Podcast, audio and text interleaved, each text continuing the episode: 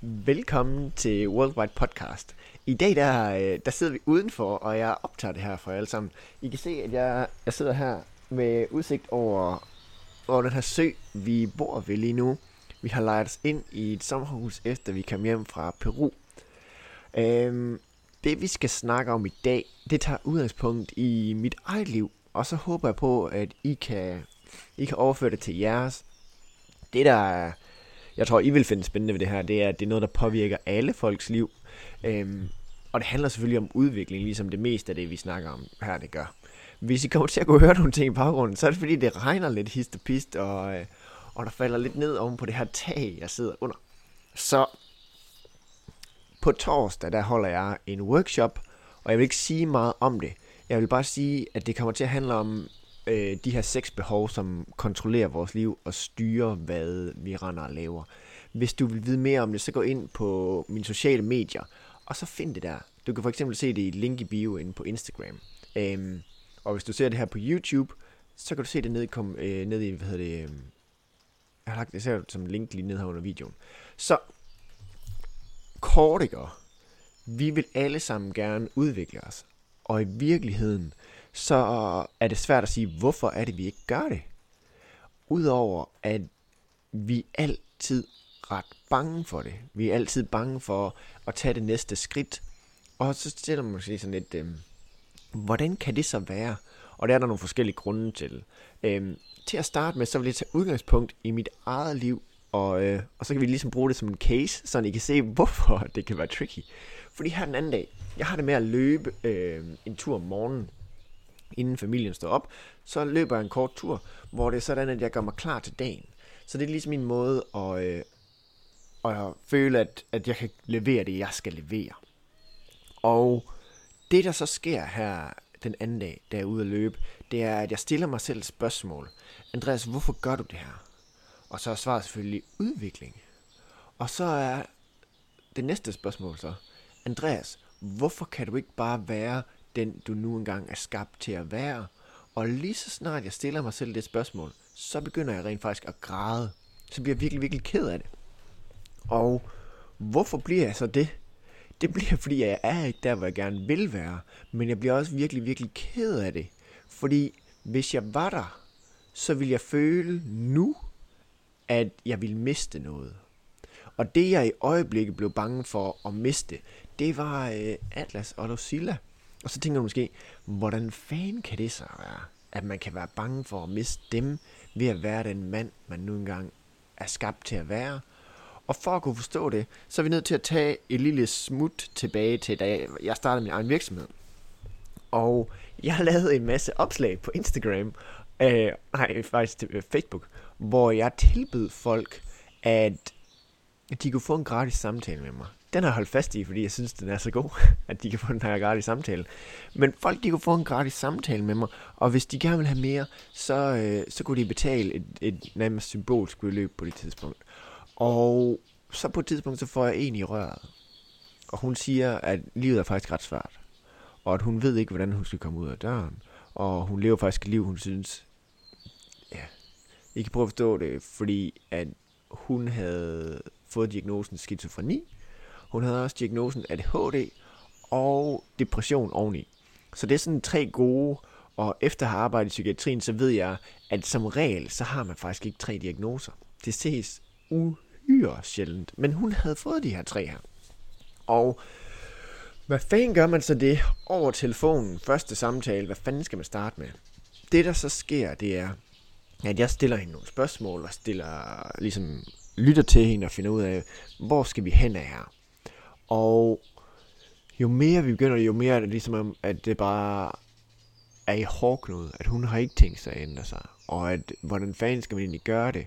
Lige indtil det tidspunkt, hvor inde i mig, der finder jeg det her, hvad skal man kalde det, den her del af mig selv, hvor at jeg lige pludselig vælger, at nu skal vi have fat i noget andet. Nu skal der ligesom mere energi til, nu skal der mere power på. Og så begynder jeg at fortælle en historie.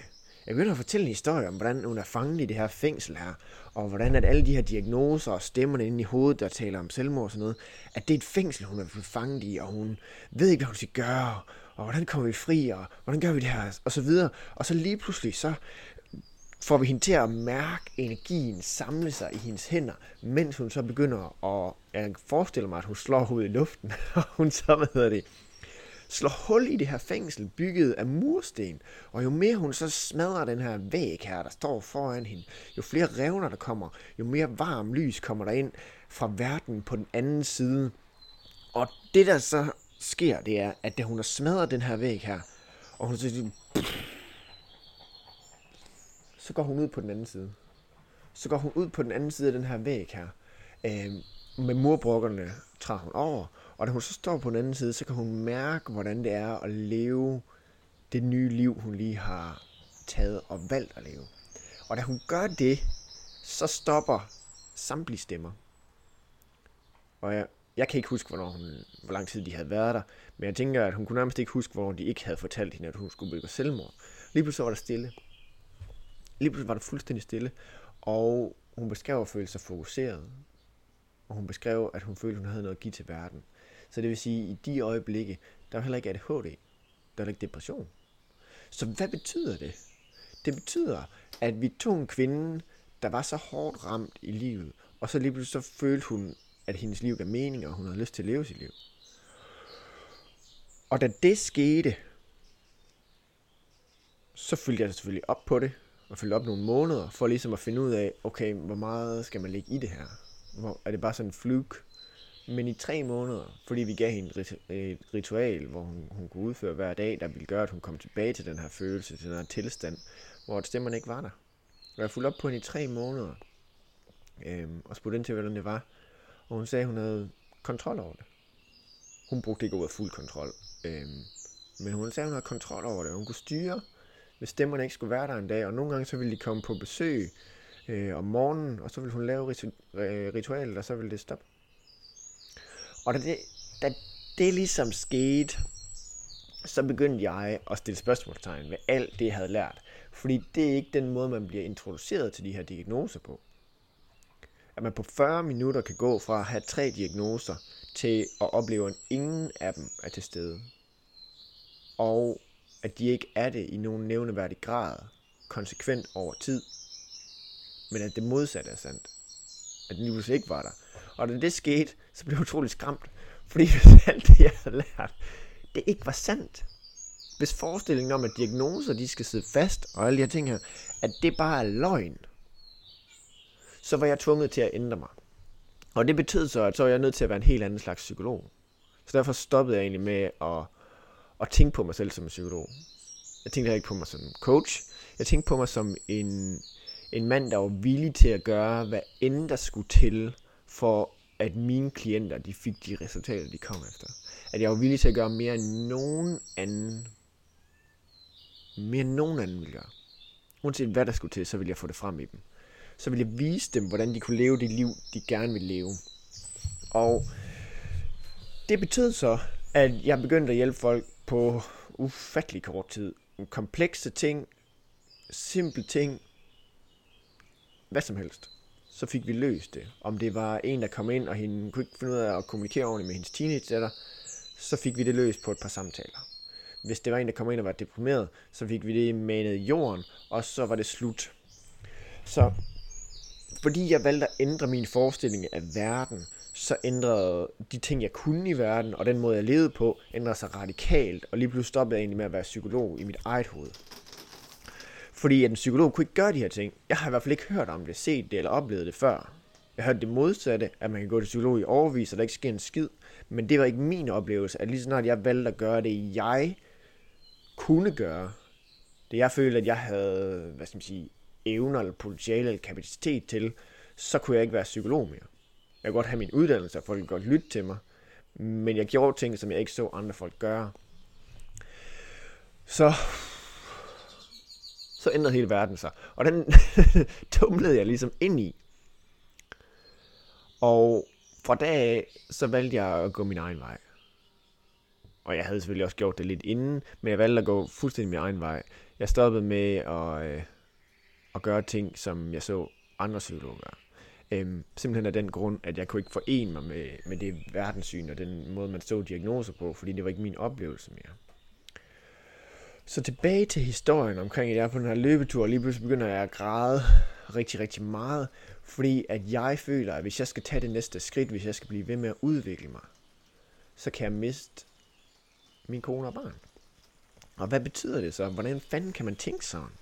Men det kan man, fordi at det er ikke sådan, at jeg tænker, at jeg vil gå fra dem, eller at de vil gå fra mig, eller at jeg ikke vil have noget med dem at gøre mere. Det er slet ikke på den måde. Men i virkeligheden så handler det om, at hvis jeg ændrer mig indeni, hvis jeg kommer tættere på at være den mand, jeg nu engang er nødt til at være, så er jeg ikke den samme mand, som jeg er nu indeni. Og ligesom da det var, at jeg slap ideen om, at diagnoser var noget, der havde en bestemt løbetid, at man skulle behandle dem på en bestemt måde, at der var nogle ting, som var skrevet i sten inden for det her. Da jeg ændrede på det, jamen, så lige pludselig så jeg det anderledes. Så det, jeg var bange for, det var ikke at miste dem uden for mig selv, men det var, at inde i mig, så ville det komme til at se anderledes ud. Og sådan er det i virkeligheden med, med alting. Det er derfor, vi kan være bange for at udvikle os. Det er derfor, vi kan være bange for at ændre os. Det er fordi, at vi mennesker har en tendens til at binde os til ting. Sige, jeg er psykolog, jeg er lærer, jeg er læge, og så videre, så videre, så videre. Jeg er rig, jeg er en mand, jeg er en kvinde, og så videre, så videre, så videre, så videre, så videre. Vi har ting, som vi forbinder med vores identitet, og så holder vi fast i dem. Og lige så snart vi binder os til dem, så begrænser vi det, der er muligt, og udvikling fører altid til frihed. Og hvordan kan man være helt vildt fri, hvis man er begrænset? Det kan man ikke. Så det vil sige, så stopper man med at binde sig til ting. Så det vil sige, hvis jeg udviklede mig ualmindelig meget, så vil jeg komme til et sted, hvor at jeg ville have nemmere ved at gå fra noget, jeg havde bundet mig til. Hvor de ville ikke få lov til at have den samme plads inde i mig. Og jeg elsker min familie mere end noget andet i verden. Men udvikling går altid den vej. Den fører altid til frihed. Frihed indeni. Og det er skræmmende, fordi jeg ved ikke, hvordan det ser ud på det tidspunkt. Jeg ved bare, at frihed betyder, at man ikke binder sig til ting på samme måde. Så jeg kan ikke regne den ud. Og det er også det, andre folk oplever, at de vil gerne videre derfra, hvor de er, men de ved ikke, hvad de får. Hvis jeg mister det her, hvad har jeg så? Jeg, I don't know. Og det er samme med mig. Jeg ved bare, hvad der altså hvordan vejen ser ud. Jeg ved ikke, hvordan den er formet. Jeg ved ikke, hvad der, hvad der er på vejen derhen. Jeg ved bare, at det er altid frihed. At man slipper altid ting ind i sig selv. Man giver altid slip i et eller andet omfang på de ting, man har bundet sig. Det er altid det, udvikling gør. Og jeg håber, I kan følge med her. Fordi det betyder rigtig, rigtig meget. Det er tit det, der gør, at klienter ikke vil rykke sig. Det er fordi, at de ved godt, hvad de har. Det kan de ikke lide. Men de ved ikke, hvad de får. Og det er skræmmende, fordi man skal slippe ting, man har bundet sig til, noget man har sat værdi i. Så hvorfor er det så tricky? Jamen det er det fordi, at helt ubevidst, ubevidst, så søger vi egentlig altid at holde fast i ting. Vi søger altid ikke, at ting skal ændre sig. Vi søger øhm, at undgå fordi tryghed gør, det er, at vi kan undgå smerte og eller få glæde. Og ubevidst, så handler det om at undgå smerte. Så hvis man kun tænker over, hvis man ikke går og tænker over, hvordan det er så vil man altid undgå at ændre sig, fordi vi har ikke lyst til, at det skal ske. Vi har ikke lyst til, at den smerte, der følger med, det er noget, vi skal have ind i vores liv. Så derfor så ubevidst, så vælger vi at undgå det. Og det kan man jo gøre på et hav af måder. Men det er ikke så vigtigt. Vigtigheden er, det er, at ubevidst, så søger man at undgå den smerte, der kan følge med. Hvis man tager et menneske og spørger, hvad vil du have? Så vil de altid, nej, ofte i hvert fald, ubevidst sige, øh, jeg vil gerne have, at det her ikke sker. og så kan man godt høre, hvor de er henne. Okay, så svarer de fra et sted, hvor de er ubevidst. Hvis man så igen spørger dem, okay, men hvis nu du skal vælge noget, der kan skabes, noget, der ikke handler om, at du ikke vil have noget, men noget, hvor det er sådan, du gerne vil have noget, der, der kan, vi kan gå ud og, og skabe til dig. Du vil ikke skabe ingenting. Så siger de som regel altid et eller andet, der gør dem glad. Og det er fordi, at lige snart folk er bevidste om det, så vælger de altid, at jeg vil gerne være glad. De, folk, de, de siger sjældent sådan med fuld bevidsthed, jeg vil bare rigtig, rigtig gerne have, at det ikke gør ondt. De siger altid, jeg vil bare gerne have, at der er ro. Jeg vil gerne blive glad. Jeg vil gerne have det godt. Så det er det, folk gør, når sådan, de føler sig bevidste. Så for at kunne ændre på det her, ikke? så så det, det, det, vi skal til at gøre, det er, at vi skal til at være bevidste. At jeg ved, at jeg er bange for at kunne miste min familie, hvis det er sådan, at jeg udvikler mig for meget. Ikke fordi de ikke kan følge med, men fordi jeg bliver anderledes. Jeg synes, det er lidt vigtigt at, at understrege, at jeg ved sgu ikke, hvad der sker. Jeg ved bare, at man begynder at slippe ting, som man har bundet sig til. Og hvordan den form for at være mindre bundet til dem, det så ser ud, I don't know. Jeg ved bare, at det skræmmer mig. Men det jeg kan begynde at gøre, det er at finde på, hvad jeg vil have. Så når jeg siger det sådan, så er det egentlig bare fordi, det er fantasi. I don't know. Jeg ved ikke, om, om det er sådan den eneste måde at se ting på, men jeg kan vælge det. Lidt ligesom, at jeg bevidst kan sige, at jeg vil være glad, jeg vil have ro, jeg har lyst til, at livet er bedre. Så kan jeg også sige, jamen prøv her, når jeg udvikler mig, så udvikler jeg mig derhen til. Og så kan jeg sige, det betyder, at derude, der er jeg endnu bedre til at hjælpe mine klienter. Det betyder, at ved at slippe min familie mere, så er der i stand til at være langt mere kærlighed, fordi kærlighed følger altid frihed. Jo mindre der står i vejen for det, jo mere kærlighed kommer der altid på besøg. Det er lidt et andet koncept, men bare forstå, at jo mere fri vi føler os, jo mere kærlighed er der. Så det jeg kan sige, det er, at ved at udvikle mig, ved at blive så dygtig jeg kan være, ved at elske så meget som overhovedet muligt, jamen så føler jeg mig mere fri, og i den frihed, så er jeg i stand til at elske alle. Familie, fremmede, dem tæt på, alle sammen, For meget mere kærlighed. Og hvorfor er det så vigtigt? Ja, det er jo ret, ret åbenlyst. Fordi så får jeg lov til at udvikle mig, og jeg introducerer mere kærlighed til mit liv. Så hvis man vil kigge mere på det, så skal man finde ud af, hvad for en plan har jeg lyst til at introducere, for at det kan lade sig gøre. Men det behøver du ikke. Intentionen er i virkeligheden bare vigtig. Og det er, at du kan mærke, at den kærlighed der er, den ved du, hvad fanden betyder. Altså du ved, hvad kærligheden er. Når du kan det, så, ja, så kan du nok også godt mærke lige nu, at, at det, det, der gider man godt hen. Den fremtid gider man godt gå ind i. Så det her det er sådan lidt kort for at forstå, at udvikling kan være tricky. Udvikling og det at ændre sit liv kan være tricky.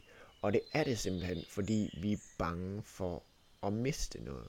Vi er bange for at miste det, vi har bundet os til. At den frihed, vi sætter så meget værdi i, den kommer med en pris. Og prisen er, at man ikke kan få lov til at holde fast på ting, fast i ting på samme måde mere. Så nu vil jeg ligesom runde den af her, og jeg gætter på, at I forstår det. Hvis I ikke gør, så lyt til det igen, fordi at der er nogle gode historier, og jeg tror også, at I vil kunne se, hvordan at mange af de her ting, de gælder for jeres liv. Og så til, til allersidst, så del det her. Og øhm, del det med hvem end du tænker, der kunne have brug for at høre, hvorfor at det næste trin i deres udvikling, det kan være lidt tricky. Så vil jeg, jeg sætte meget pris på. Men have en fantastisk dag. Det her det kommer ud en søndag. Så hvis du lytter til det med det samme, håber du bare en skøn, skøn weekend. Men uanset hvor du er, så tak fordi du lytter med.